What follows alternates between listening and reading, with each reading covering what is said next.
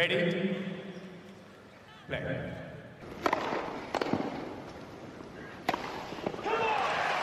Merhabalar, Raket Servisi hoş geldiniz. Ben Gökalp. Ben Anıl, merhaba. Evet, bu hafta tabii ki çok üzgün durumdayız. Programın girişini açarken hani bugün Monte Carlo konuşacağız ama oraya geçmeden önce tabii bu hafta çok büyük bir kayıp yaşadık tenis camiası olarak. Ee, Caner hocamızı kaybettik. Önce bir onu anmak istiyoruz. Hani kendimizce yapabildiğimiz kadar. Ee, ondan sonra normal bölümlere geçeceğiz. Çok hani üzücü bir haber oldu. Kendisinin kanserle savaştığını biliyorduk.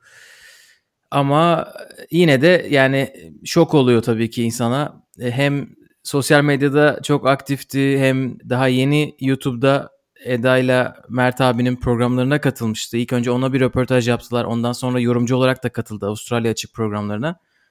Onun için çok çok üzüldük. Bütün camia da öyle hem Türkiye'de hem de dünyada gerçekten bizim için büyük bir kayıp. Anıl sen neler demek istersin? Sonra biraz da böyle arkasından gelen hani on, onun için söylenen güzel sözleri de konuşabiliriz.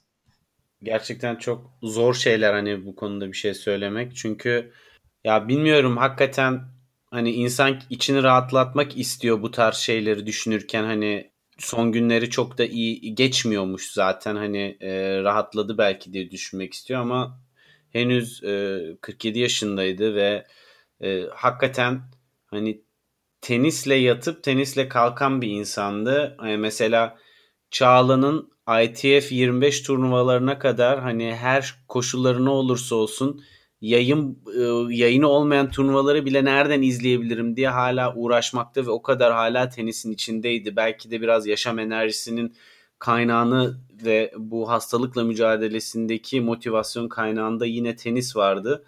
Dolayısıyla e, hani bizim için bence e, çok çok önemli bir e, değeri kaybettik. Özellikle Türk tenisinin e, geliştirilebileceği daha çok noktada eminim ki çok fazla katkısı olabilirdi. E, ama hani bunların hepsi boş. Sonuçta e, geride kalanlar için çok zor. Özellikle e, hani yakın birini kaybetmenin e, acısını e, böyle bir şey yaşamayan biri de anlayamaz çok fazla ve en büyük zorluk geride kalanların e, mücadelesi ve hani bu acıyla yaşamaya e, alışması. Çünkü geçecek bir şey değil. Bu kadar sevgi dolu, seveni çok bir insan e, eminim ki çok kişiyi gidişiyle üzdü. Ama e, hayatın bir parçası fakat çok erken, gerçekten çok erken. Yani e, beni e, tenisle alakası olmayan insanlar bile yaptığım paylaşımları görüp hani soruyorlar e, kimdir, nedir falan diye böyle anlatınca ya ne kadar genç gitmiş çok üzüldük diye hani alakasız insanlar bile e, hani bu noktadan e, bakıyor olaya.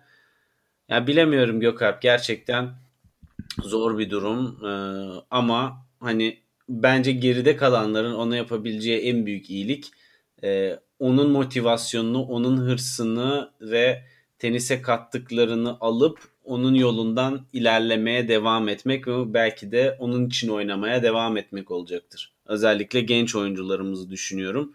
Mesela Yankı bu haftaki kupasından sonra bu kupa e, senin için Can Hocam diye e, paylaşımda bulundu. Hani bunlar gerçekten belki de hala gidişiyle bile tenisimizi e, desteklemeye devam edecektir. Evet bence çok güzel söyledin. Hani e, onun en büyük bıraktığı miras belki ona örnek olabilecek yani onu örnek alabilecek daha doğrusu. E, hani oyuncular, insanlar, hocalarla yaşaması onun hani anısının.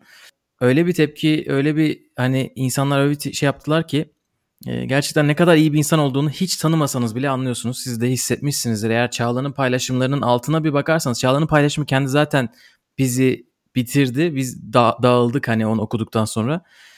Bir de onun altına gelen yorumlar. Bütün tenis camiasından yani insanların başını sağ olsun hani deepest condolences yazıp geçebileceği bir yerde onunla alakalı hatıralarını anlattıkları işte detayıyla onun nasıl girdiği her odayı acayip pozitif hale de çevirdiği, onunla antrenman yapmanın ne kadar büyük bir zevk olduğunu e, Çağla'nın antrenman partnerleri yazıyorlar. Hocalar yazıyor çok büyük isimler. E, WTA'de, ATP'de hocalık yapan isimler. Onunla hani bir, bir beraber olmanın ne kadar onları mutlu ettiğine dair ve hep senin de söylediğin gibi tutkusundan bahsediyorlar. Ee, ben de e, Mert abiyle Eda'nın ilk programına çıktığı zaman hani orada Çağla'nın en e, böyle kritik maçlarını konuşuyorlardı. E, o yayını mutlaka izleyin hani Can Hoca'yı tanımak için. E, çünkü çok güzel bir konsept yapmışlardı. İyi ki de yapmışlar. Hani bütün yakınları da gelmişti oraya. Hem sürpriz olarak hem de konuk olarak konuşmuşlardı. Orada Can Hoca'nın anlattığı maçlardan bir tanesi Dulgeru maçı hatırası beni çok etkilemişti. Ben de ona yazdım. Dedim ki hocam hani öyle bir anlatmışsınız ki duygulandım dedim. Ee, yani inşallah dedim hani sizi bir an önce görmek istiyoruz tekrar kortlarda. O da o kadar tutkulu ki bana şey diye cevap verdi. Ee, istersen sana maçlardan maçtan sayı gönderebilirim. O maçın ka- kaseti var hala elinde. O zaten orada da anlatıyordu. YouTube'da e, Mert abi de söylüyordu. Her şeyin maçın e, kaydını alır e, Can şeye diye videoya diye. Hani ne kadar tutkulu olduğunu böyle bir bir şey yaptık. Bir mesajlaşmadan bile gösterdi. İnşallah e, anısı en güzel şekilde yaşatılır. E, senin dediğin gibi bazı oyuncularımız ona şampiyonluklarını adadılar. Onun ismiyle korta çıktılar. Bu hafta da İstanbul Cup'ta adı Merkez Kort'a verildi sanıyorsam. E, bir, bir korta verildi ve kocaman bir resmi evet. de var kortlarda. İnşallah e, gerçekten öyle olur. Hani o, o en güzel şekilde hatırlanmaya devam eder ve yeni nesillere de onun dersleri örnek olur. Şunu da belirtmek gerekiyor. Belki de e, hani Türk tenisinin özgüvenini e, kazandıran isim hani tenis Türk tenisi için işte kilometre taşı diyebilirsiniz. işte çağ atlatan isim diyebilirsiniz ama biz dünya çapında tenisçi buradan çıkabilir. Yeter ki o istek, azim, e, disiplin ve kararlılık olsun bizde e, düşüncesi var ve tabii ki bunun ilk adımını atan insan olmanın çok ciddi zorlukları var. Çünkü önünüzde size e, yol gösterecek, örnekler verip e, tecrübesini aktarabilecek kimse yok. Yani e, ve dolayısıyla mesela Çağla'nın maceralarından bahsediyordu biraz işte e, hani bu yurt dışındaki turnuvalara giderken hani yiyeceği yemekten otele vesaireye kadar bile birçok şeyle özellikle küçük bir ekip olunca antrenör ilgilenmek durumunda kalıyor ve e, bunların hepsini de öğreni öğrene öğrene ilerliyorlar. E, Marcel'le beraber zaten ilk e, başarılı tecrübesi e, olunca bunları öğrendiği aşamada esasında tecrübelerini aktarıp bir sonraki antrenör kuşağına da bunu aktarmak istediği noktada maalesef o talihsiz hastalığa yakalandı. E, belki de hani e, hala da yine de e, çok fazla kişiye e, iz bıraktı ve yol açtı e, bu anlamda. E, hani evet. dolayısıyla bu bence en önemli şeylerden biri hani ortada olmayan bir e, başarı varken Türk tenisi adına o zamana kadar hani İpek Şenoğlu'yu biraz hariç tutuyorum çiftlerde. Ama biz başarabiliriz inanıp bunu da yani buna inanacak bir oyuncuyu da bulup ve yola çıkmak ve oradan hani bir şeyler başarmak e, çünkü hani o kadar şey bir ince bir yol ki bir sakatlıkla o bütün plan bozulabilir. Hani o kadar hassas ilmek ilmek dokunuyor ki o ilk başarı kademeleri. Hani 50 tane oyuncu yok ki üçü çıksın başarılı olsun e, tutarsa tutar. Hani o yüzden gösterdiği çaba ve emeğin e, kişisel hırstan ziyade gerçekten tenisi olan sevgisi ve bunu Türkiye'de e, geliştirip yayma isteğinden e, kaynaklandığını e, düşünüyorum ve dolayısıyla evet. hani tenise çok şey vermiş, Türk tenisine çok şey vermiş bir isim ve hani senin de dediğin gibi ya yorumlarda zaten yazanlar filan e, hani WTA resmi hesabından da zaten paylaşım yaptı. E, onun dışında mesela aklıma gelen en büyük koçlardan biri Sven Grunewald o da e, paylaşımlarını yaptı ve daha nice isimler zaten. Hani hakikaten başarılı olmaktan önce insan olmak gerekir e, derler ya hani bunu bize evet. sonuna kadar göstermiş bir isim. Sadece başarılarıyla değil daha ziyade insanlığıyla ön plana çıkmış bir isim. Dolayısıyla hani bu yazılanlardan sonra mesela tekrardan e, o mesela Çağla Kupayı kazandığındaki sarılmaları filan ya inan bana e, o videoları görünce böyle gözlerim doldu yani. Çünkü e, biraz çekilen cefanın, e, eziyetin e, biraz arka planını bildiğimiz için o mutluluk anının ne kadar değerli olduğunu ve neler uğruna mücadele ettiklerini orada çok daha net hissediyor insan bir kez daha. E, keşke aramızda olsaydı ama umarım e, o da belki de böyle rahat etmiştir. Bilemiyorum. Evet, e, Can Hoca'yı böyle tanımak, anmak için tabii iki tane önerimiz olacak. Bir tanesi Eda Eda'nın e, YouTube kanalında Eda Talks Tennis'te tabii onun katıldığı programlar özellikle röportajını izleyebilirsiniz. Evet. E, bir de bugün ben izleyemedim ama e, Onur Akmeriç paylaşmış. E, bugün yayınladıkları tenis raporunda e, Can Üner'i konuşmuşlar. E, konuklar gelmiş. Mert abi konuk olmuş. E, Şevket Erbay e, ki kendisi çok iyi şeydir yani çok iyi bilir tenisi. E, o da konuk olmuş. E, Federasyon Başkanı Cengiz Durmuş da konuk olmuş. Onu da bakabilirsiniz e, diyelim. Ve istersen yavaştan turnuvamıza geçelim. Evet, ya özellikle e, ben şeyi çok uzatmayayım ama son bir cümle ekleyeyim. Hani tabii, o tabii. Can Hoca'nın katıldığı son bölümde Eda ve e, Mert abinin programında işte Çağla katıldı, yabancı antrenörler katıldı vesaire orada sürpriz bir şekilde hakikaten e, onu şimdi izleyince o kadar duygu dolu oluyor ki sanki oraya vedaya gelmişler gibi. Acayip evet. bir, bir e, anlamı oluyor şu anda. Yani sevip anmak isteyenler için gerçekten altın değerinde programlar çıktı ortaya. Aynen öyle. Ee, ve daha demin söylediğin bu şey İstanbul Cup görüntüsü gerçekten o kupayı kazanmak şu anda inanılmaz daha değerli oldu. Evet. İyi ki iyi ki olmuş yani Çağla'ya da gerçekten çok çok büyük tebrikler. Evet. WTA'yı kazandı 2016'da. Şimdi onun ne kadar değerli olduğunu hani bir de böyle perspektifle insan daha iyi anlıyor. Evet. Hayat devam ediyor. Ee, diyelim ve istersen burada Monte Carlo turnuvasına geçelim. Evet. Evet bu hafta erkeklerde Monte Carlo oynandı Masters e, turnuvası. Kadınlarda 250'lik bir turnuva oynandı Charleston'da. Bir de e, Fed Cup yeni adıyla Billie Jean King Cup'ın e, bazı elemeleri oynandı. Biz Monte Carlo'ya odaklanacağız bugün.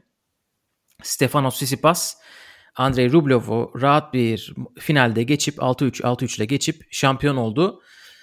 E, istersen bir büyük kayıplardan başlayalım sonra finale gidelim. Bir e, Djokovic'ten başlayalım sonra Nadal'a gidelim. Olur. Sonra finale gidelim çünkü finali bunları konuşmadan konuşmak olmayacak. Yani hani Grand Slam hikayelerine yakın zenginlikte bir Masters turnuvası oldu açıkçası. Yani çok doluydu.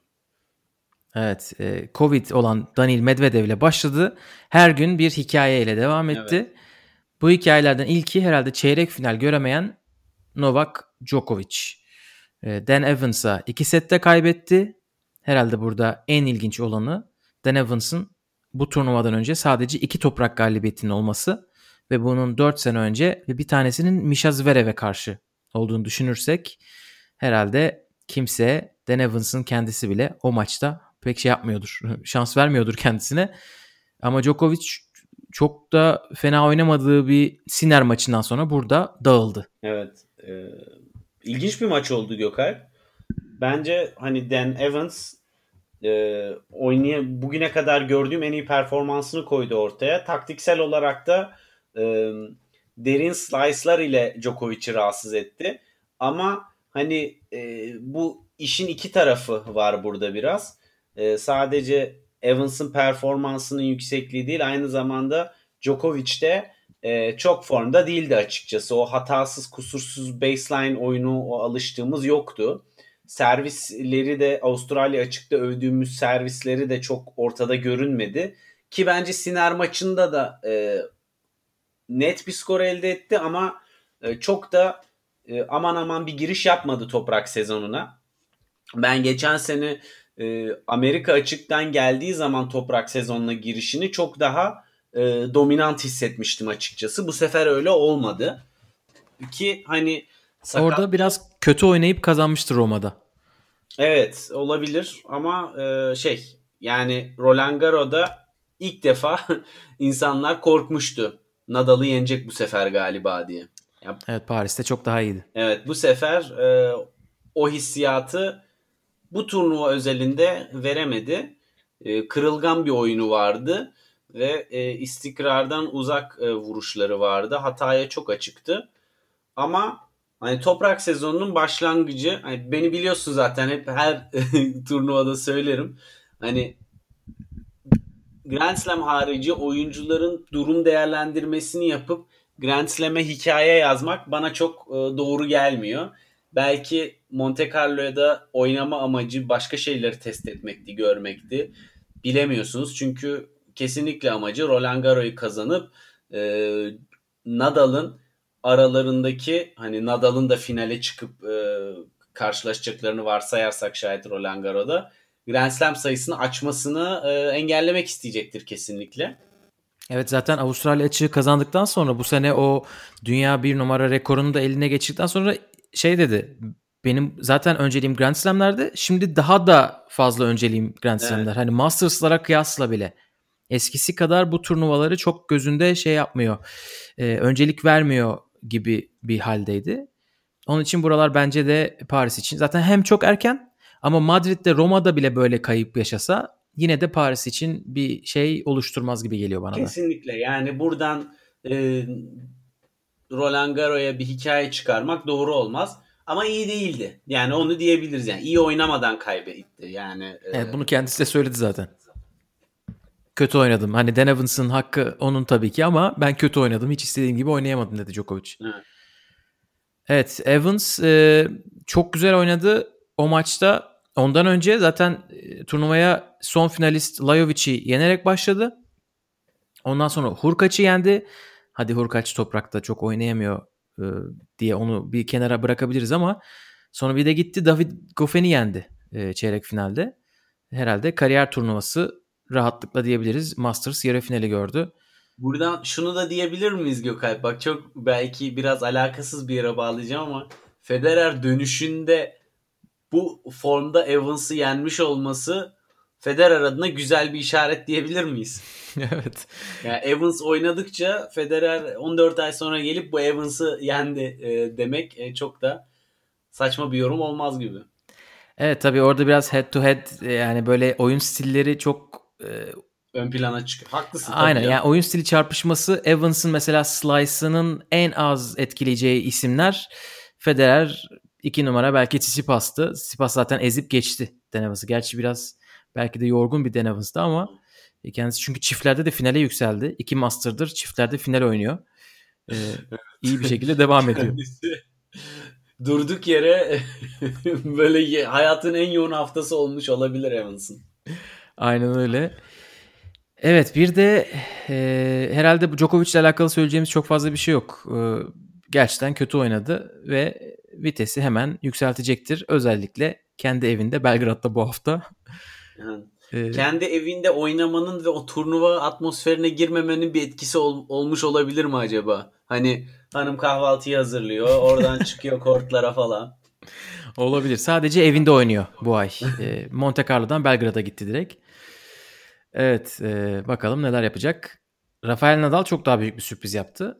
Evet. Andrei Rublev'a kaybetti. Andrei çok Rublev kötü bir servis attı. Aynen. Andrei Rublev kendisi o kadar e, inanmıyormuş ki maça. Zaten e, Nadal'la toprakta ilk maçına heyecanlı mısın deyince hiç değilim gibi bir cevap vermişti röportajında. E, sözünde şeymiş yani onu o sözünü gerçekten inanarak söylemiş. Nadal'a kaybedeceğini düşündüğü için Barcelona'dan wild card kabul etmiş Barcelona turnuvasından. Sırf o gün Monte Carlo'dan ayrılacağını düşündüğü için. Hani öyle bir mentalitede hazırlanan bir oyuncudan bahsediyoruz. Evet. Nereden bilebilirdi ki Nadal'ın hayatının herhalde en kötü maçlarından birini oynayacağını? Yani e, şunu çok açık söyleyeyim Gökalp. Nadal kötü oynadı. Rublev de güzel e, oyunlar oynadı. Fakat Rublev'in e, servisindeki sıkıntıyı Nadal'ın maçında da gördük. Yani e, kazandı ama Nadal 7 kere servisini kırdırdığı için kazandı.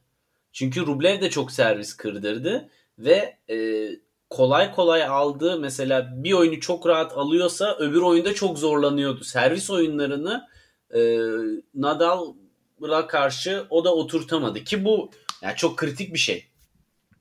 Evet evet. Zaten final maçında iyice ortaya çıktı. Hani Nadal o yani evet. biraz biraz daha az kötü oynasaydı büyük ihtimalle maçı kazanırdı. Çünkü Rublev'un Evet evet. Üçüncü sete nasıl o tutundu. Bu arada ben ilk setin hikayesini şöyle belirlemiştim kafamda. Ee, tamam Rublev oynuyor ama bu maçın hikayesi Nadal. Yani Nadal üzerinden gidiyor. O kadar kötü ki evet. bu maçı hani Rublev üzerinden anlatamayız. Ama ikinci sette Nadal biraz yükseltti. Ee, yani Rublev'in yaptığı bir tane çok kritik hata dışında o filinin önünde bitirebileceği puanı bitirememenin dışında gerçekten hani orada iyi oynadı. Onun için set hani 6-4 kaybetti. İyi oynaya oynaya o, o puan dışında 6-4 kaybetti. Orada gerçekten şeyi gördük. Evet hemen böyle seviyesi düşmedi. Bir de onun şeyinin hakkını vermek lazım. Ee, senin dediğin gibi maç dönüyordu. Hani 3. setin başında benim kafamda ben maçı bitirmiştim. Hani evet. ben Rublev'in tutunmasını Klasik beklemiyordum. Hikaye. İkinci seti alırsa oradan 6-2 6-3 bitirir favori olan değil mi? Hani öyledir ya. Nadal bir de toprakta. Ben evet. hani e, öyle bir sürpriz yapma fırsatını elinden kaçırdın. Bir de çok rezil bir sayıyla kaçırdın öyle. Bitiremedin o forehand'i. Nadal bir de çok güzel bir forehand paralelle aldı. Tam gaz sayı yani. Momentumu evet. tam kaydıracak bir, bir nokta. Ee, tutundu. Ben ona şaşırdım. Ki Nadal da biraz izin verdi tabii yine. Orada da servisin gittiği anlar oldu 3. sette. Yine de çok büyük galibiyet tabii. Sonra bu büyük galibiyetten sonra sen git Stefanos Tsitsipas'a 6-3 6-3 kaybet. Final hakkında ne diyeceksin? Ben finalde e, biraz hani sen bu e, oyuncu eşleşmesinden demin dedin ya hani Evans'a karşı e, Federer'in oyunu tutar, Tsitsipas'ın oyunu tutar diye. E, Tsitsipas'ın oyununun genel olarak da Rublev'e karşı bir bir avantaj olduğunu düşünüyordum zaten. Fakat e, Rublev kötü de oynadı. Rublev'in e, buradaki e, hata marjları e, çok daha yüksekti ve e, çok aşırı kırılgan bir servisi vardı. Fakat öyle ya da böyle finalin hikayesini hani deminki maçtan senin yorumunu devam ettirecek olursam finalin hikayesini Rublev üzerinden değil Tsitsipas üzerinden anlatmak bence daha doğru olur. Çünkü e, Tsitsipas bundan önceki Grand Slam'lerde de konuştuğumuzda e, şunu hani altını çiziyorduk.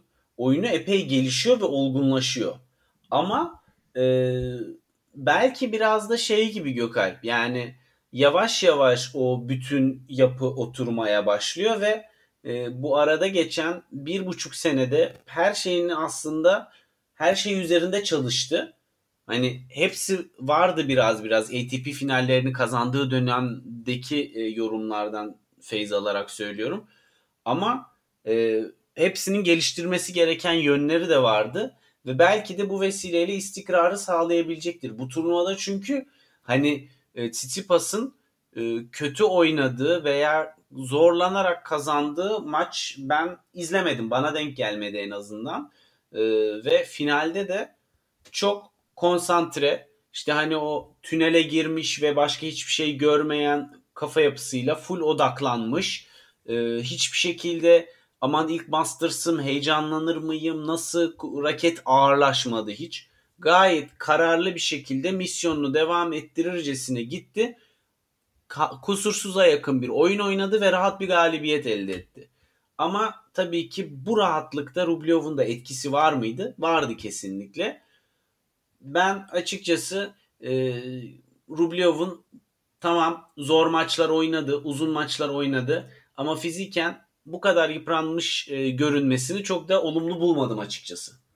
Evet. Böyle. Bir de aralarındaki farklar bence bu maçta çok ortaya çıktı. Hani hem ben e, enerji anlamında çok bir fark olduğunu sanmıyorum. Hani Rublev'in burada ikinci servisi özellikle çok göze battı. Hani ikinci servisin zaten ne kadar büyük bir e, onun için sıkıntı olduğunu konuşuyoruz hep. Geçen seneden beri en büyük hani odak odak noktası onun da ikinci serviste. Ama bu maçta Sipas hepsini çok iyi değerlendirdi. Yani bir, bir kez evet. çok rahat hareket ediyor Sipas. Hani toprakta o kadar iyi oynuyor ki ve kendisinin en büyük güçsüz yanı olan return güçsüzlük olmaktan çıkıyor. Çünkü toprakta evet. arkadan alabiliyor returnleri ve istediği kadar spin verebiliyor toplara. Hatta o kadar iyi oynuyor ki çok atletik bütün o droplara yetişiyor. ben nasıl toprakta bu çocuk maç kaybediyor diye düşündüm ve son toprak toprakta oynadığı son turnuvalara baktım. E, gerçekten çünkü Roland Garros'ta e, tat kaçıracak bir kura olur yani Tsitsipas'a bir, evet. onun birisine çıkması. Hani team'den bile şu anda team'in bulunduğu ruh halini düşünürsek daha tehlikeli evet. bir isim olabilir. Şöyle Monte Carlo'dan önce Roland Garros'ta Djokovic'e kaybediyor. Katılıyorum. Ondan önce Hamburg'da Rublev'a kaybediyor ki orada o maçı alabilirdi. O maç acayip bir maçtı bu arada. Yani. O maçta galiba ya maç sayısı vardı ya da öyle bir şeydi yani çok yakındı. Maç için servis atmıştı ikisinden biri. oynadı. Ama elinden kaçırmıştı diye hatırlıyorum ben Tsitsipas sanki evet. o maçı. Hatta Çoric maçıyla o ikisi arka arkaya gelmişti. Ondan önce Roma'da Siner'e kaybetmiş bir şekilde. Ondan önce 2019 Roland Garros'a gitmemiz gerekiyor. Wawrinka o efsane maç 5. seti 8-6 biten. Sonra Roma'da Nadal'a kaybediyor. Madrid'de Djokovic'e kaybediyor. Nadal'ı geçip. Zaten bu çocuk toprakta ne kadar iyi olduğunu aşama aşama göstermiş. Bu hafta yani hani bir de Rublev'un aralarında bu kadar hani fark olması performans evet. anlamında ikinci servis evet. Mert abinin bir yorumunu burada hemen araya eklemek istiyorum. Ee, şey demişti. Rublev'un A planı çalışmayınca bir B planı yok. Tsitsipas'ın ama en önemli noktası e, varyetesinin olması.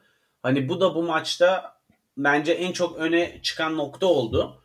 He, özellikle Nadal'la olan maçı karşılaştırınca Rublev orada da bir plan değişikliğine gitmedi. Nadal'ın seviyesine göre aldı sayıları veya alamadı. Ee, burada ise e, Tsitsipas'a karşı şansı tutmayınca değiştiremedi oyununu. Hani bunları zaten en, e, bence sen de çok çok iyi yakalıyorsun maçları takip ederken.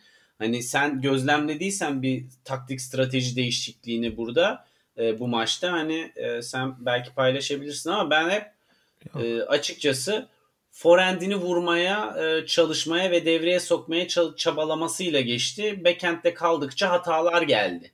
Biraz öyle e, izledim evet. ben maçı. Ya bir de benim senin dediğin gibi bana şey gelmiyor. Ben Rublev'in ne zaman maçını izlesem e, kataloğu çok küçük gibi geliyor. Çok sert vuruyor ve sert vurarak karşısındakileri genelde bitiriyor. E, yani taktik değişikliği çaprazdan paralele çevirmek oluyor bazen ama bu böyle çok kısa zengin bir portfolyo değil. aynen açılı bir işte forehand vurayım, biraz spin yükselteyim, drop vurayım, drop nete çıkayım. Böyle şeyleri hiç görmedim. Ee, onun için oyunu yavaşlatayım. Onun için şu anda tam gerçekten ATP 500 seviyesinin en büyük ismi gibi. Şu anda hani o rekoru da var ya böyle 500'de kazanıp evet. duruyor. Gerçekten o noktada hani bir şeyleri değiştirmezse yani o B planı gelmezse Mert abinin de dediği gibi ya da ikinci servisinde büyük bir gelişme olmazsa o bin seviyesine bile çıkması zor olacak gibi geliyor bana. Çünkü yani. burada sonuçta çok kötü bir Nadal'ı geçip finale çıktı. Onu da söylemek lazım. E tabi. Bir dahakine finale çıkabilecek mi bin seviyesinde? Çünkü Nadal, Djokovic, Federer, Tsitsipas, Tim bunlardan Medvedev bunlardan birisini yenmesi gerekecek. Yani burada e, mesela şeyi çok iyi vurduğu zaman çok iyi oynuyor. Ama benim için Grand Slam'ler önünde en büyük soru işareti 3 set, 4 set, 5 set boyunca sen o kadar istikrarlı ve o kadar iyi vurabilecek misin? Başka bir şey koyabildin mi portfolyona? Ee, uzun soluklu maçlarda ve uzun soluklu turnuvalarda en büyük soru işareti o. Çünkü hani winning ugly dedikleri veya işte e, taktik ve stratejiyle formda olmadığın bir günde bile kazanmayı başarabilmek mesela Big Three'nin en büyük özelliğidir ya rakibi çözümleyerek. Hı hı. E, bunun uzağından yakınından geçmiyor Rublev. Hani çok eğlenceli bir oyunu var bence. Çünkü agresif, sert, e, saldırgan ve böyle bir hırs patlaması var içinde. Ben izlemekten çok keyif alıyorum. Fakat tıkandı mı da e, bitti maç diyorsun ve e, kanal değiştirebilirsin yani oradan dönemez o diyorsun. Bitti yani iş. Aynen öyle. Evet bu hafta ikisi de Tsitsipas'la Rublev'da Barcelona'dalar. Bakalım neler yapacaklar. Evet. Onu izleyeceğiz. E, Monte Carlo'dan ön plana çıkan bir iki isim daha var. Onları da konuşalım istersen. Kesinlikle. E, Kasper Ruud tabii ki bunlardan evet. birisi. Yarı finale çıktı. Schwartzman, Müthişti. Pablo Carreño ve Fabio Fonini'yi geçti. Müthiş bir maç oynadı. Müthiş maçlar oynadı Kasper Ruud. Özellikle forehand'i inanılmaz gelişmiş Gökalp. Yani bundan herhalde e, 3 ay önce filan belki de izlemişimdir en son maçını. Hani e, Avustralya açıkta. Ondan sonra maç oynadı mı bilmiyorum ama ben izlemedim. e, inanılmaz güç katmış. Hani ikisi de akademili olduğu için karşılaştırıyorum. Jaume Munar'la Ruud'u. E, Munar'ın hala mesela forehand'indeki hız problemi ve üre, güç üretme problemi var. Ruud gerçekten çok çok kuvvetli vuruyor. Çok etkili vuruyor ve inanılmaz da spinli vuruyor. Dolayısıyla yani toprakta Ruud'un forentine düşüyorsa geçmiş olsun. Öyle e, maçlar oynadı. Evet bence hani Avustralya'ya kıyasladığın için de olabilir. Çünkü çocuk kendini biraz toprakta buluyor. İki tane toprak master'ı üst üste şu anda yarı finale yükseldi. Roma'da yarı finale yükselmişti geçen Eylül ayında. Şimdi yine yarı final. Evet. Toprakta farkını iyice gösterecek gibi gözüküyor. O Roma biraz ama karambol bir turnuvaydı Gökalp yani. Onu da söylemek lazım. Buradaki oyun seviyesiyle o Roma'yı ben bir tutmam açıkçası. Orada da e, fena değil aslında. Berettini, Hachanov, Sonego onları geçmiş. Çiliç'i geçmiş. O Berettini maçı çok fenaydı. Ama tabii Monte Carlo gibi değil. Burada e, Schwarzman'ı geçti. Ki Schwarzman Roma'da finale yükselmişti. Ve ben Fonini'yi ilk defa da motive gördüm açıkçası. Yani e, Fonini uğraştı yenmeye Rudy'de. Evet önceki maçlarında yani. çok disiplinliydi. Evet. Gayet güzel maçlar oynayıp geçmişti. Ben de şaşırdım. Evet. Yani bu turnuvada Fonini özellikle son şampiyon olmasının da belki ağırlığıyla e, şey yapmaya ağırlık e, verdi. Burada iyi oynamaya ve hani motive bir Fonini'yi yenmek kolay değil. Hani biz bunu 2019 finalde e, Nadal'la gördük. Öne çıkan isimlerden birisi nispeten güzel bir kurası olan Alejandro Davidovic Fokina. Evet. Çeyrek finale kadar yükseldi. İlk turda Diminor'u geçti. Dünyanın en düz vuruşlarına sahip arkadaşımız. Sonra Avustralya'dan beri ilk maçına... Kısa. kısa boylu o kadar düz vuran başkası yok abi. Gerçekten yok. Ee, sonra Avustralya açıktan beri ilk tekler maçını oynayan Berrettini'yi geçti. Sonra da uzun süredir sakatlıktan böyle yeni dönen, yakın zamanlara dönen Luca Pui'yi geçti. Sonra Tsitsipas'a ilk setten sonra kaybetti. Pardon kaybetmedi. E, maçtan çekildi. 7-5 verdikten sonra seti. İyi de oynamıştı. Yani e, maç güzel geçiyordu. Ben bayılıyorum onu izlemeye. İzlemediyseniz evet. mutlaka izleyin. Eğlence garanti. Girdi. Bak şu anda 48 numara. İyi süper. Eleme de oynamayacak demek ki büyük turnuvalar evet. için. Ee, sana bir de güzel haberim var. Cenevre'ye katılıyor. İyi süper. Etrafta e, işte nedir o Street Fighter'daki Ken'e benzeyen birisini görürsem.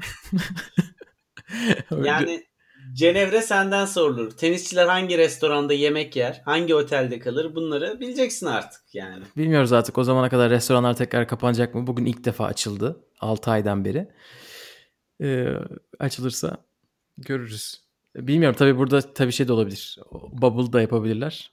Takip edeceğiz. evet. Ee, Grigor Dimitrov. Amerika'ya ha Dimitrov pardon. Bir son olarak Grigor Dimitrov söyleyelim. Nadal'a karşı resmen e, raketi fırlatacaktı. Meğer e, çok kötü diş ağrısı çekiyormuş.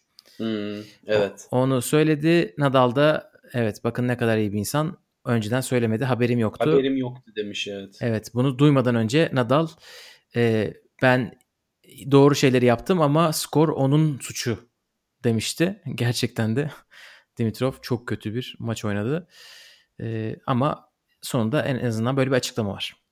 Evet ya ben de şaşırmıştım çünkü çok bitik haldeydi. Turun belki de fiziksel olarak en kuvvetli oyuncusu. Yani en fit değil mi? İnanılmaz yani adamda belki Djokovic'ten daha az yağ vardır bir, bir o kadar da e, kas vardır üstüne yani bu kadar e, hani tenisteki hangi tenisçinin vücuduna sahip olmak istersin diye sorarlarsa direkt net Dimitrov derim yani öyle bir e, atletik inanılmaz atletik bir yapısı var yani. Dolayısıyla onun fiziksel olarak maç kaybetmesinden ziyade oyunuyla maç kaybeder. E, ben de şaşırmıştım. Evet bir de bugünlerde böyle bir oyuncu gördüğünüz zaman korkuyorsunuz Covid mi diye değilmiş. Onun için evet, ilerliyoruz. Öyle. Hangi oyuncu biraz tıkansa acaba Covid mi diye konuşuyoruz. evet. Evet. Ne yaptın bize virüs? Vallahi bitirdi bizi. Charleston'a geçelim. 250'lik evet. turnuvada Asya Sharma galiba dünya 160 numarasıydı bu turnuvaya çıktığında. Finalde bir numaralı seri başı Ons Jabber'ı geçti. 2-6, 7-5, 6-1'lik skorla şampiyon oldu. Gerçekten çok büyük sürpriz. Ons Jabber'ın hiç WTA şampiyonluğu yokmuş. Ben buna şaşırdım. kendisinin artık ismini çok iyi biliyoruz. Çok iyi galibiyetleri var. Grand Slam çeyrek finali var. Bir numaralı seri başı herhalde onun da e, beklentisiyle üstünde baskı olmuş olacak. Bir de ilk seti 6-2 almış. Üzüldüm yani. E, hala şampiyonluğu yok. Asra Sharma oradan kupayı götürmüş. Abi o kupayı almasan da olur. tencere ee, vermişler ya. Ya bildiğin tencere vermişler kupa diye. Biz e, şey Antalya'daki borcamla dalga geçiyorduk. Adamlar tencere verdi. Çamaşır sepeti diyenler de olduğunu gördüm. Onu da gördüm Twitter'da. Gerçekten değişik bir tasarım. Kesin bir hikayesi vardır ama hikayeyi yani okumadan da bazı hikaye kupalar olsun abi. Hikaye okumadan da kupadan bence anlaşılabilmeli. O kadar da zor olmamalı. bak bak Dubai'ye veriyor e, oyuncunun boyu kadar gemiyi yolluyor. Bin git diyor. Aynen öyle. Burada değişik hikayeler çıktı Charleston'da şampiyon dışında. Geçen hafta evet. kazananlar bu hafta da iyi oynadılar. Danka Kovinic geçen hafta 500'ü kazanmıştı. Burada yarı finale çıktı. Lauren Davis ve Shelby Rogers'ı geçerek. Maria Camila Osorio da Kolombiya'da turnuva kazanmıştı. Charleston'a uçmuş ve burada yarı finale yükseldi. Geçen sefer söylememiştik. Kendisi 2019 Amerika Açık Junior şampiyonu. Çok da güzel bir hikayesi varmış. WTA sitesinde yazmışlar. Burada e, tabii şu ön plana çıkıyor Gökalp. Hani biraz daha kumar oynayıp Amerika'daki kalma süresini uzatanlar nispeten az kişi olduğu için burada fırsat puanları ve fırsat galibiyetleri de var. Evet, evet. Yani o her yerde var. Bu, evet, orada bu fırsat galibiyetini kovalayayım derken bir şeyden vazgeçiyorsun ama kazanan da kazanıyor tabii. Aynen öyle. O biraz bir risk oluyor. Trade-off oluyor. Ama Aynen. E, evet. Özellikle çok fazla genç vardı burada. Hani turnuvada gençlere destek Yaş ortalaması 16 falan. evet gerçekten junior turnuvası gibi bir şeydi. Bir Ons Jabeur vardı. Bir Danka Kovic vardı. vardı. Zaten şey juniorların dışında vardı. evet evet ben juniorların dışındakileri sayıyordum. O kadar şeydik yani gençti ki. Ee, dediğin gibi e, Linda Fruvirtova vardı. 15 yaşındaki e, yeni beklentilerin olduğu isim. Ve gerçekten de ilk galibiyetini aldı. Hatta iki galibiyet birden aldı. Alize Cornet'i sonra da 2019 Roland Garros Junior finalisti Emma Navarro'yu geçti. Emma Navarro'yu çok duymuyoruz çünkü kendisi galiba koleje gidiyor şu anda. Yoksa o da e, Towson'larla onlardan bir iki yaş büyük sanırım. Clara Towson da buradaydı. İki tur geçip sonra e, çekilmiş maçından sakatlıkla. E, bu isimler güzel puanlar kazandılar. Ama işte en büyük hikayeye geliyoruz sanırım şimdi değil mi? Evet geliyoruz. Hangi hikaye? Linda e, Fruitova. Evet. E, gerçekten 15 yaşında artık Coco Gauff'u büyük diye anabileceğimiz isimler çıkmaya başladı. E, kendisi belki şeyde görmüşsünüzdür. Muratoğlu Tenis Akademisi'nde böyle her türlü fotoğrafı paylaşılıyor tabii ki. En yeni model ürünleri olarak akademi onları tanıtıyor. Fruvirtova kardeşleri. Abla evet, olan küçük. Linda Fruvirtova Charleston'da oynadı. Daha da küçüğü var. 13 yaşında. 14 yaşındasın. Bir yaş var aralarında değil mi? Brand'de 2, 14. 2 yaş 14. var aralarında. Ee, diyebiliyorum. Yani birisi 2007, birisi 2005 doğumlu olması lazım. Ee, Abi 2005 2007 doğumlu insan mı olur Gökalp ya? Evet biz 2007'de podcast kaydediyorduk ya. Yok kaydetmiyorduk da hani daha, iPhone daha dün. Çıkmıştı. 2007 iPhone'un çıktığı ilk yıl. Düşün. Aynen. Evet. iPhone'la yaşıt ya. Fruvirtova burada iki maç birden kazandı ve ilk defa WTA seviyesinde turnuva kazandı ama e, üzerinde baskı olmanın verdiği psikolojiyi tatmak için sırf hani o tecrübeyi kazanmak için bu sene junior turnuvalarına katılmaya, Grand Slam'lere katılmaya devam edecekmiş. Böyle bir bakış açısı. Bilinçli bir hareket. E, güzel. Ben ilk e, şey ilk tur maçını oynayıp galibiyet aldığında e, Uygar Uygar söylemişti Uygar Karaca ya bunu izlemiş izledin mi hiç acayip bir şey diye. O deyince açtım baktım. Gökalp şöyle söyleyeyim sana. Kokogof'la karşılaştıracak olursam ondan çok daha güçlü bir tenisi var. Goff atletizmiyle ve defansıyla henüz ön plana çıkıyor. Yani Linda ondan yaşça küçük olmasına rağmen e, acayip güç üretiyor abi. Yani gerçekten patküt vuruyor toplara böyle kaba tabirle. Dolayısıyla e, taktik anlamda kendini hızlıca geliştirirse bayağı e, ilginç sonuçlar alabilir yakın zamanda 1-2 sene içerisinde. Evet tabii şu anda e, 15 yaşında Coco Gauff Wimbledon'da elemelerden gelip 3. tura kadar çıkmıştı. 4 müydü? 4. tura evet. mı çıktı? O çıtayı 4, çok yükseklere sanırım. koydu. Ama e, bu isimler bakalım neler yapacaklar. Kardeşi Brenda da daha 13-14 yaşında. O da geçen yaz e, UTS'te oynamış bu Muratoğlu. Ben onun hani sanki abla olan Fruvirtova en azından diye düşünmüştüm. Orada Alize Cornet ile maçları falan var. E, çok ilginç bir şey değil mi? 13 yaşında bir çocukla oynuyor Alize Cornet. Ve ablası da Charleston'da ilk turda Alize Cornet'i yendi. Cornet'in çektikleri. Ve 4-4 iken 3. Çek- sette çekildi Cornet. Evet. Ki yani Alize Cornet'de e, rakibi maçı bitirtmeyerek bezdiren ve kaybettiren bir kişiliğe sahip. Aynen öyle. öyle bir ismi pes ettirmek sanırım maç sonunda da bir şeyler söylemişti Korne buna dair. Ee, o da ilginç bir an oldu. Ama evet Fruirtova kardeşlerinden Linda'yı da e, takip listenize alın diyoruz buradan. O da güzel maçlar, heyecan verici bir tenisi e, sunuyor. İzleyen niye izledim ya demeyecektir kesinlikle. Aynen öyle.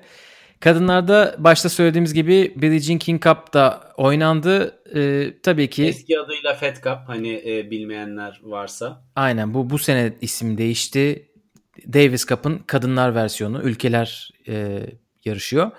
O kadar kompleks ki tabii ki anlamak çok zor. 3-4 tane Wikipedia sayfasına girmem gerekti. En yukarıda bir dünya grubu var. Dünya grubunun dünya grubuna girmeye hak kazanmak için oynayan bir grup var. Onlar oynanmış. Ee, çok fazla yüksek profil isim yoktu. Ee, ama şeyi gördüm. Svitolina, e, Rybakina, Putintseva, Podoroska gibi isimler vardı. Ee, bu da böyle bir haberdir. Halep oynamadı ama sanırım değil mi? Romanya'dan neredeyse hiç kimse oynamamış. Ki normalde Halep Fed Cup'a çok ağırlık verir ama e, hani çok ülkesine bağlı olduğu için takvimin o kadar saçma bir yerinde ki tabii. Evet bir de olimpiyat senesi aslında normalde olimpiyat senelerinde çok böyle e, Fed Cup oynanır hem çiftler takımları alışsın hem de e, eskiden o bir kuraldı ama şu anda o biraz esnetildiği için herhalde oyuncular da çok gitmiyorlar. İki tane ben sürpriz gibi düşündüm ama bir tanesi tabii ki sürpriz değil. İtalya Romanya'yı 3-1 yendi ama Romanya'da hiç oyuncu yoktu neredeyse. Buzarnescu'ydu galiba en yüksek sıralamalı oyuncuları. Bir de Kazakistan Arjantin'de Arjantin'i yendi 3-2. Podoroska iki maçını kaybetti. Ama 200'lerde olan bir oyuncuları hem Rybakina'yı hem Putintseva'yı yendi Arjantinli. Son maçta kaybetmişler. Bu da iyi bir eşleşme olmuş. Geçmiş olsun diyoruz.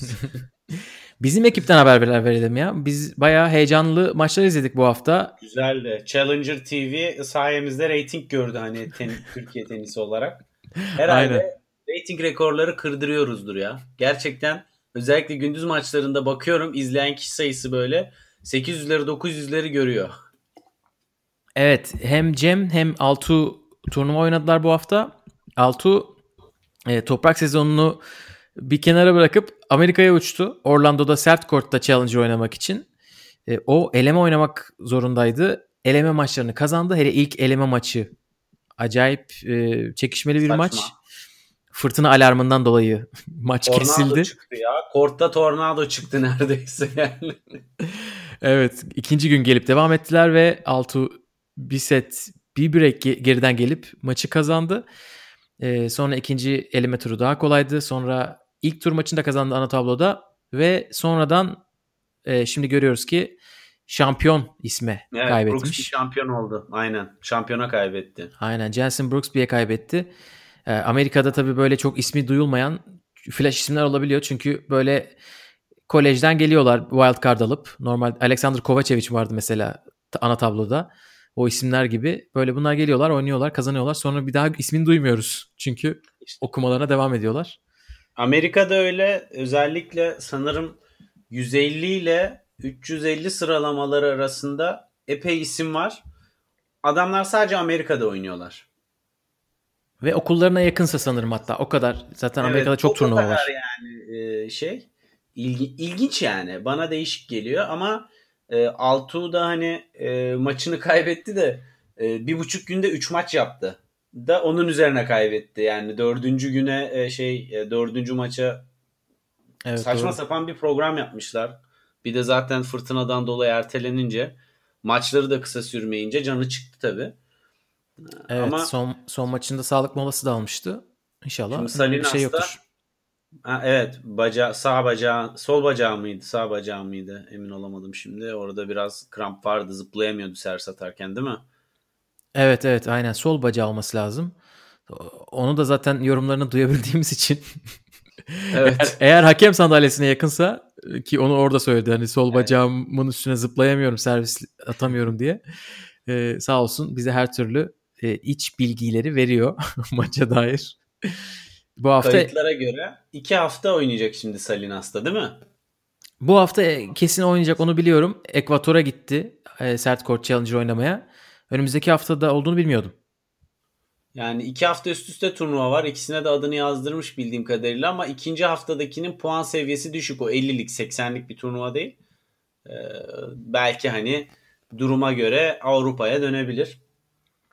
Aynen. Ama Avrupa'ya dönerse toprak demek. Toprakta Split'te oynanan turnuvada Cem İlkel vardı ve çeyrek finale yükseldi. Elias İmer'e kaybetti çeyrek finalde. Çok net kaybetti maalesef. Ee, ama Gaston maçı çok iyiydi. Evet Hugo Ga- Gaston'u geçti. Ee, onu öve öve bitirememiştik Roland Garros'ta. Ee, drop shotları aynen devam ediyor ama Cem çok güzel cevaplar buldu. Ben maçın başını ve sonunu izleyebildim. Başında e, skor olarak Cem hani böyle double break, iki break birden geriye düşmesine rağmen e, hani çok pozitif bir tenis oynuyordu. Gerçekten Bitmişti de. maç ya. Maç bitti dedim ben. Oradan çeviremez demiştim yani açıkçası. Evet sonra bir şekilde çevirmiş. Bir de onun üstüne tiebreak'te de 4-1 geriye düştü. Evet Öyle bir de olunca tiebreak'te tartışmalar, konuşmalar, süpervizör derken ben maçı bırakmıştım ama o bırakmamış. Helal olsun. o, o kafadan genelde yani o ruh haline girince bir tenisçi pek hayırlı bir sonuç gelmiyor açıkçası. Sürpriz oldu. İyi ki sürpriz oldu. Yani sevindik. Evet bu hafta bir yerde oynamıyor ama Avrupa'da herhalde e, toprak challenger'larına devam edecektir. Roland Garros elemelerine kadar. E, çünkü onun katılması garanti gibi neredeyse. E, diyelim ve kısa haberler var onları aktaralım. E, WTA yeni e, takvim eklemelerini açıkladı. Burada ön plana çıkan şeylerden bir tanesi e, Nottingham çim turnuvası bilinmiyor diyor. Hani oynanacak mı oynanmayacak mı 7 Haziran'da. Ama e, diğer turnuva sanırım Hertogenbosch o iptal edildi. E, o, o kesinlik kazandı. E, Belgrad'da bir kadınlar turnuvası oynanacak 17 Mayıs'ta.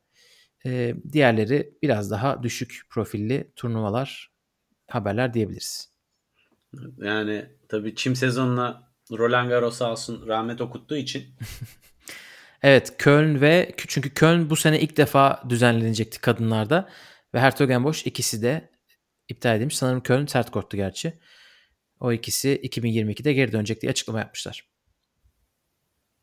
Ee, bir haberde Federer'den Federer bir tweet atarak yine e, ortalığa damgayı vurdu. Önce Cenevre açıkta oynayacağım dedi. Sonra da Roland Garros. Ee, biraz heyecanlıyım Anıl. Gökalp heyecanlan. Ama ben çok heyecanlı değilim Federer adına. Nedense bilmiyorum. Hala daha çok e, bana e, hani toprağa hazırlık sezonu olarak görüyormuş gibime geliyor. E, bakalım.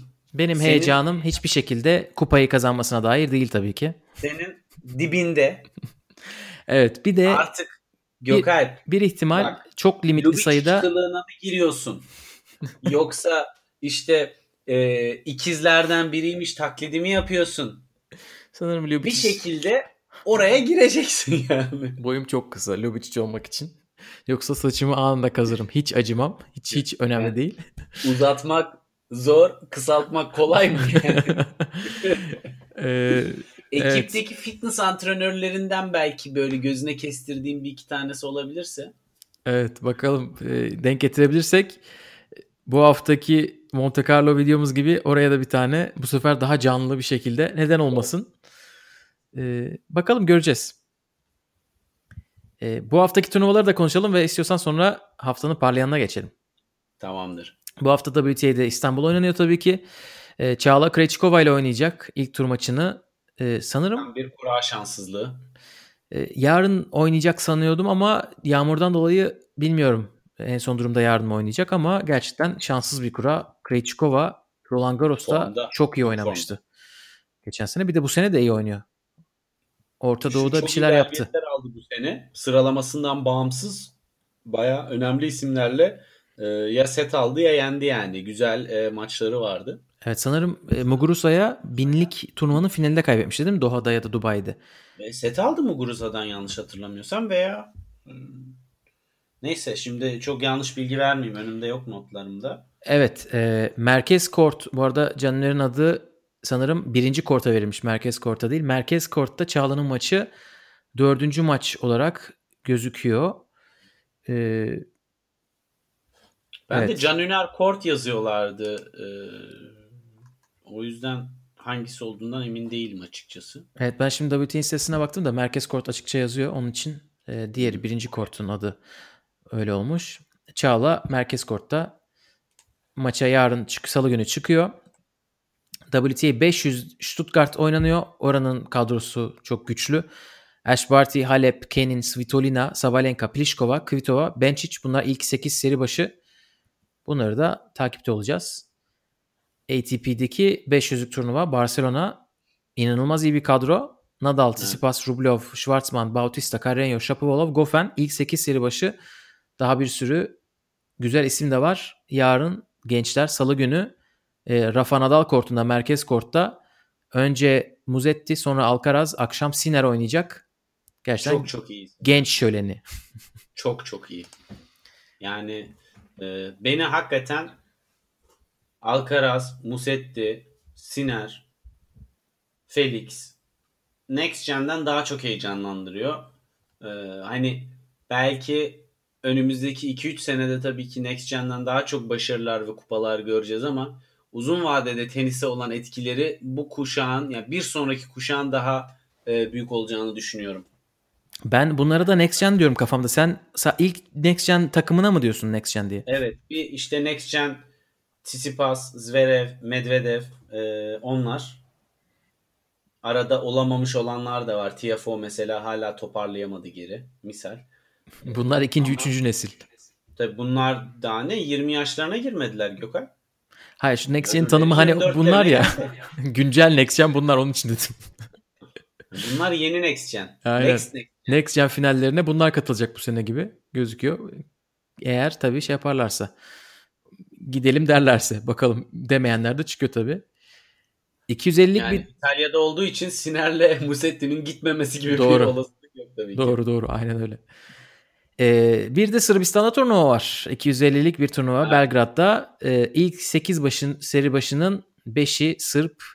Djokovic, Berrettini, Karatsev, Lajovic, Krajinovic, Milman, Kecmanovic ve Cere buranın seri başları.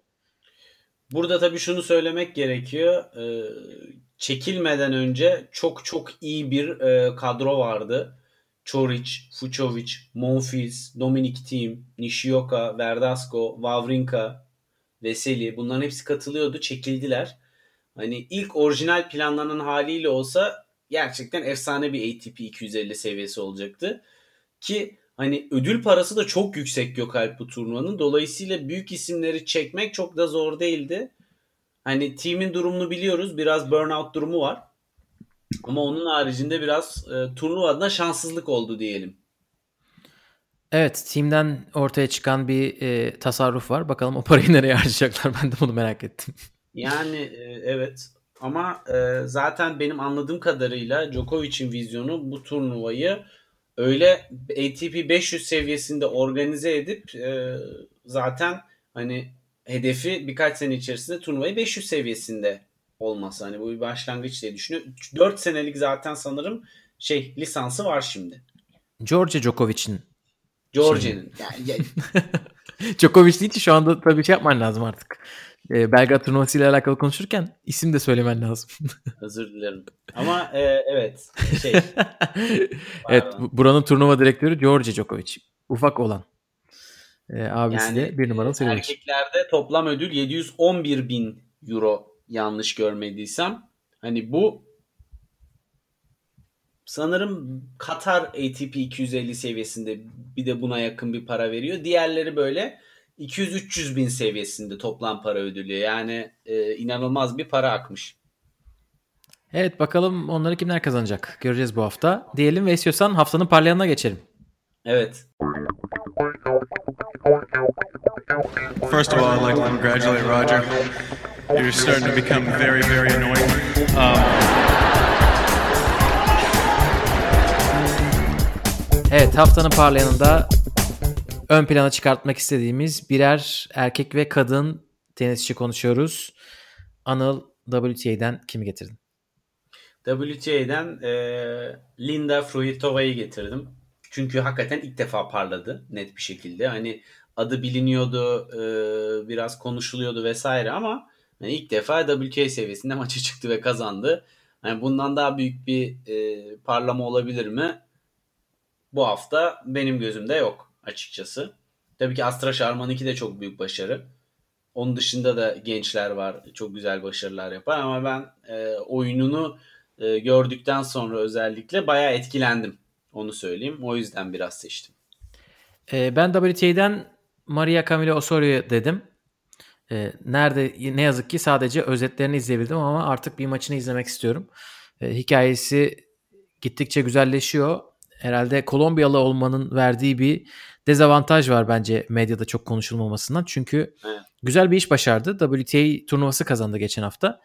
Bir de onu hani evde evi, kendi evinde oynayıp davetiyeyle katıldığı bir turnuvada bunu kazanabilirsiniz. Sonra onu devamını getirmek en zor olanı. Burada hani daha bir de geldiğinde bayağı yorgunmuş hani Charleston'da antrenman yaparken çok yorgundum demiş WTA'ye verdiği röportajda.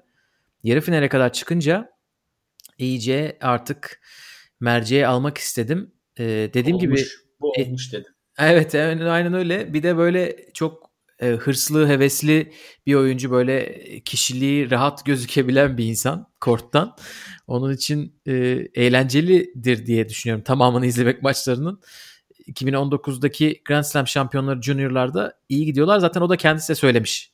İyi bir ekip olduk. Onların başarıları beni motive ediyor diye.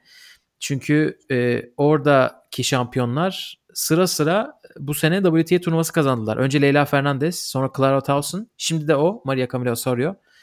O da bunu söylemiş. Arka arkaya kazandık. Ben beni de motive ediyor bu durum diye. Bakalım neler yapacaklar. Erkeklerde Bunlarda zaten genç e, nesil bitmiyor. Yığın, akın akın geliyor yani. Evet bir de herhalde güzel olan şey o junior finali ya da şampiyonu olanlar kendilerini çabuk gösteriyorlar. Erkeklerde o tabii o zor. O eşiği atlamak. Erkeklerde kimi getirdin? Ee, Tsitsipas'ı getirdim. Çünkü kendisi adına bence e, psikolojik bir eşiği aştı ve e, oyununu oturtma yönünde önemli bir e, mihenk taşı oldu bu onun için. Dolayısıyla hani Amerika'daki e, Masters turnuvasında işte ya Djokovic katılmadı, Nadal katılmadı, böyle turnuva mı olur dediler. Fakat e, burada hepsi vardı Federer hariç ve gayet de aralardan sıyrılıp hiçbiriyle oynamadan da olsa e, kupaya uzandı.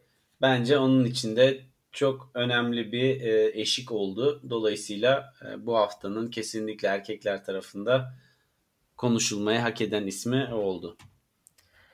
Ee, ben biraz e, Challenger'lara gittim. Çünkü Altu ve Cem sağ olsun Challenger izlemekten o sıralamalardaki insanların isimlerine aşina olmaya başladık. Onların stillerini öğrenmeye başladık. Ve bazı isimler tabii e, göze çarpıyor. Arka arkaya böyle yukarılarda gördüğümüz zaman turnuvalarda. E, benim söyleyeceğim isim Kasper Juk. Polonyalı bir isim. Senenin başında yani pandemi dönüşü ilk 300'ün dışındaymış. E, Challenger'lara haliyle elemelerden katılıyordu. Bu sene Antalya'da Altuğ'la oynadılar. Altuğ onu geçmişti ATP'de ilk turda. Sonra e, Juk gidip güzel sonuçlar aldı. E, ilk St. Petersburg turnuvasında pardon ikinci St. Petersburg turnuvasında e, finale yükseldi. Bu hafta da Split'te e, Cem'in oynadığı turnuvada elemelerden gelip e, şampiyon oldu.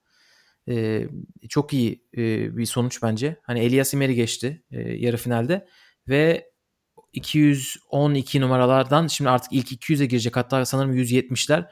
E, iki tane böyle büyük Challenger galibiyeti e, çok büyük zıplama yapabiliyor e, ve de her kortta oynayabildiğini de gösterdi. Bu da böyle radara soktuğum isimlerden birisi oldu. Bakalım Roland Garros yolunda neler yapacak. Evet ilginç olabilir. Özellikle e, ana tabloya çıkmaları ve orada bir iki tur atlamaları bile büyük bir başarı oluyor. E, dolayısıyla Roland Garros zamanı geldiğinde görürsek ana tabloda maçını izlemekte fayda var. Aynen öyle. O zaman haydi sen neden böylesine geçelim. Sasha Zverev again, man. Again, again. How selfish can you be? How selfish can you be? Evet sen neden böylesinde yakınacağımız bir konu getiriyoruz. Oyuncu olabilir, turnuva olabilir, organizasyon olabilir. Anıl kime diyorsun sen neden böylesin diye? Ben Nadal'a sen neden böylesin diyorum. Ama kort içi performansından dolayı değil.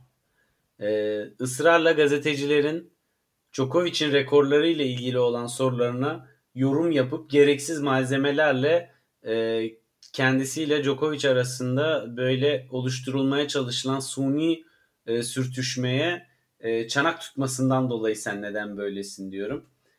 Hani Djokovic'in rekor tutkusu, Grand Slam'lerde geçme hevesi üzerine de yine yorum yaptı.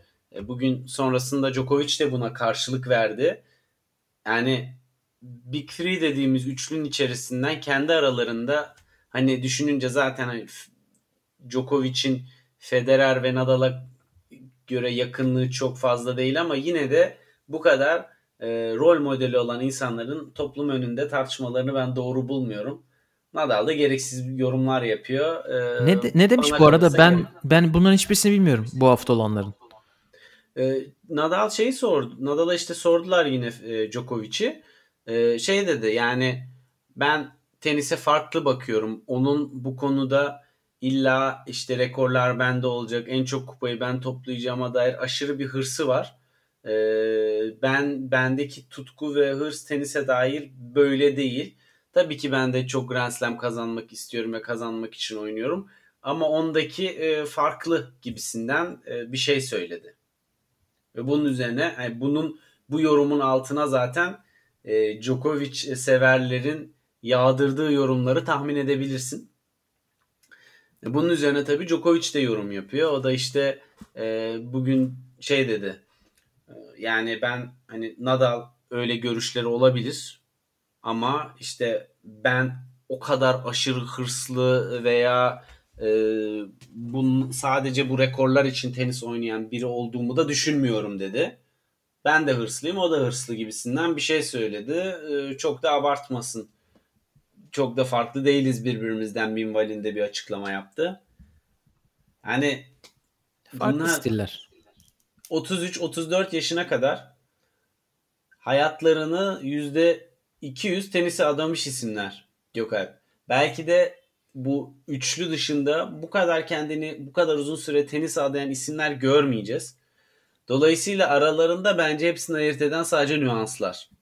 Toplum önünde çizdikleri rol ve karakter farklı olabilir ama hayatının odağına bu denli tenisi koyuyorsan hepinizin amacı başarı. Yani bunu çok fazla tartışmaları bence e, saçma geliyor bana. Yani dışarıdaki herkes tartışabilir. Bence Nole böyle, bence Nadal şöyle, yok Federer şöyle. Ama kendileri aralarında tartışmaları bana çok saçma geliyor açıkçası. E, tabii yani onlara bu sorular sorulmasa herhalde Nadal da bir şey demez durduk yere. Ha, soruluyor ve ona biraz cevap veriyor. Eyvallah. Ama verme cevap.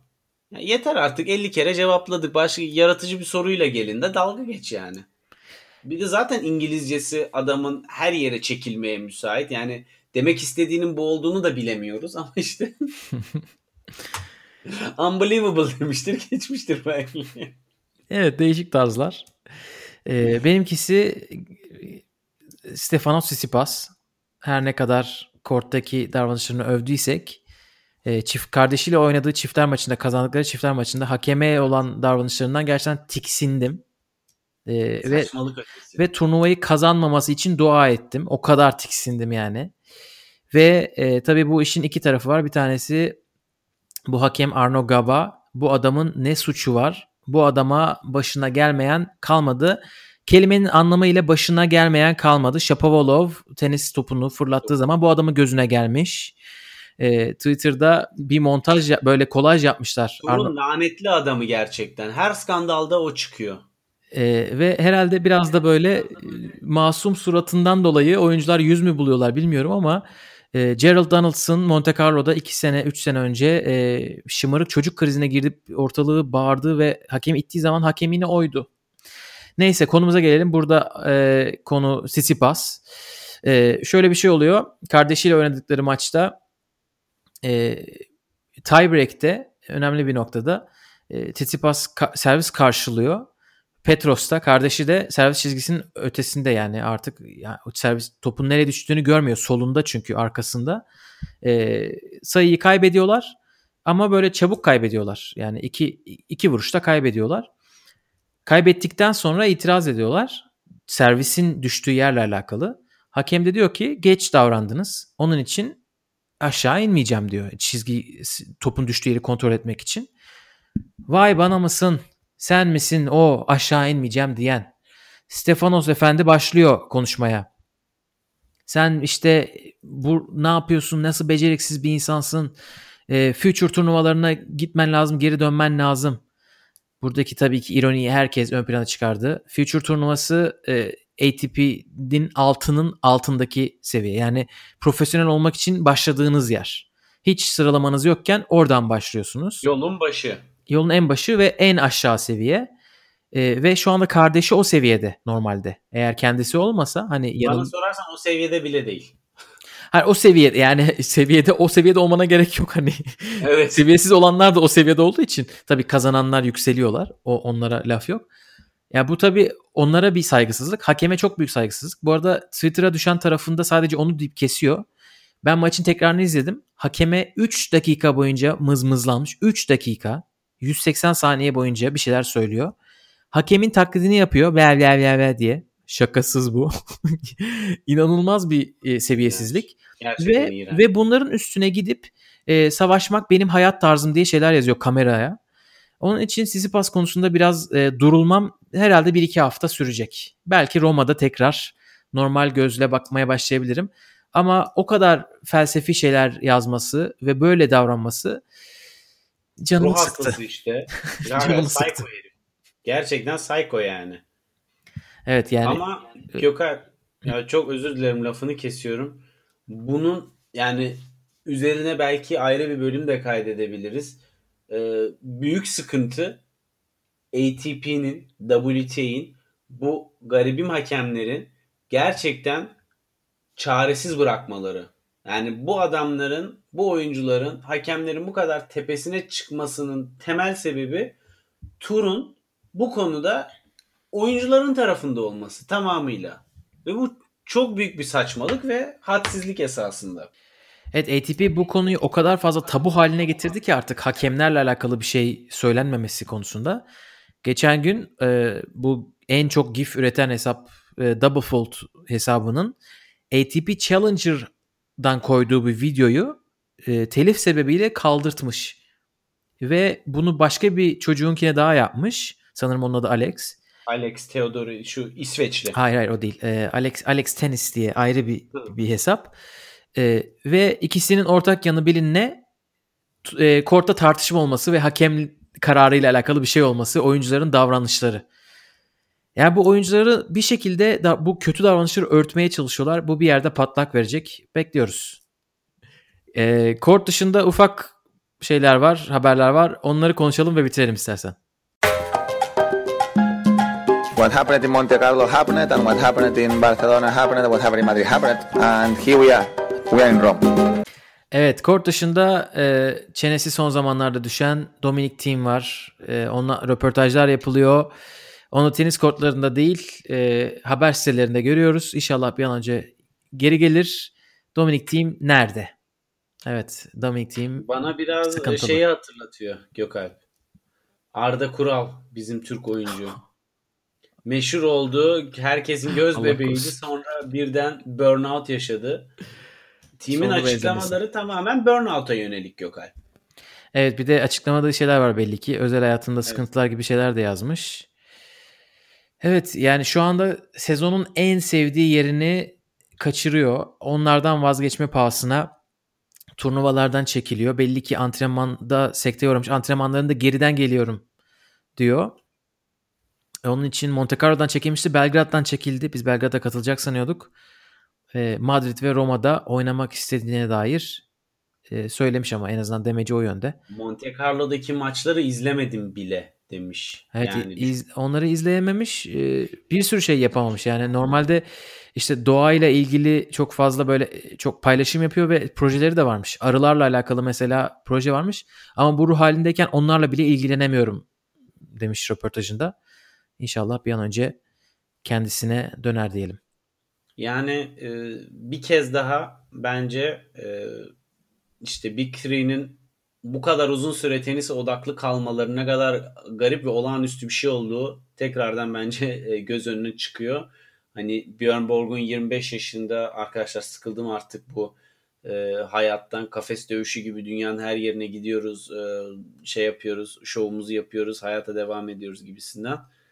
Gerçekten hani team'in de hedefi Grand Slam kazanmakmış. Demek ki motivasyonunu oraya kadarmış. Hani onu da dedi ya son söylemlerinde e, hani kimilerine göre tartışmalı bir ortamda kazandım ama kazandım diyor ve e, ondan sonra içimde bir boşluk oluştu diyor. Demek ki onun Evet. drive'ı oraya kadarmış. İlginç yani.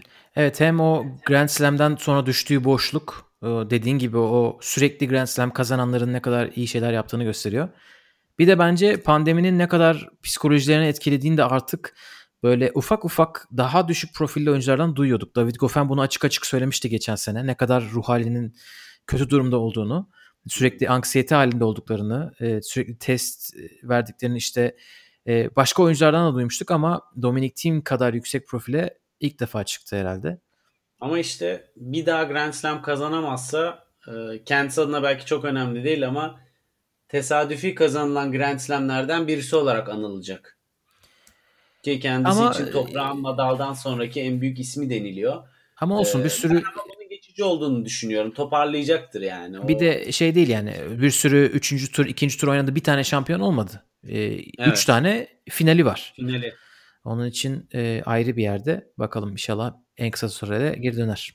Turun en önemli renk katan ve oyunu keyif veren çok özel isimlerinden, çok özel yeteneklerden bir tanesi. Evet, kort dışından ikinci haberde Serena Williams'a dair Amazon Prime'la bir içerik serisi üreteceği haberini verdi. Michael B. Jordan'la yaptığı bir röportajda. Ee, böyle hem metin metni olan senaryolu hem de senaryosuz daha doğal belgesel tarzı içerikler üretecekmiş. Ee, evet, istediklerimizden bir tanesi olmaya başladı geçen Özak'la yaptığımız bölümde. Evet. Sıradakileri bekliyoruz. Allah'tan başka bir şey isteseymişiz dedim. Sıradakileri bekliyoruz. İstiyorsan burada kapatalım. Burada kapatalım bence de. Aynen. Ee, tenis haftası başladı. Esport Plus'ta, Sports TV'de e, maçlar devam ediyor. WTA ve e, 500 e, Barcelona turnuvaları. E, tenis artık ulaşılması çok daha kolay Türkiye'de. E, takip ettikçe tenisi daha çok seversiniz diye tahmin ediyorum. Aynen öyle. Bir sonraki bölümde görüşmek üzere. Hoşçakalın. Hoşçakalın.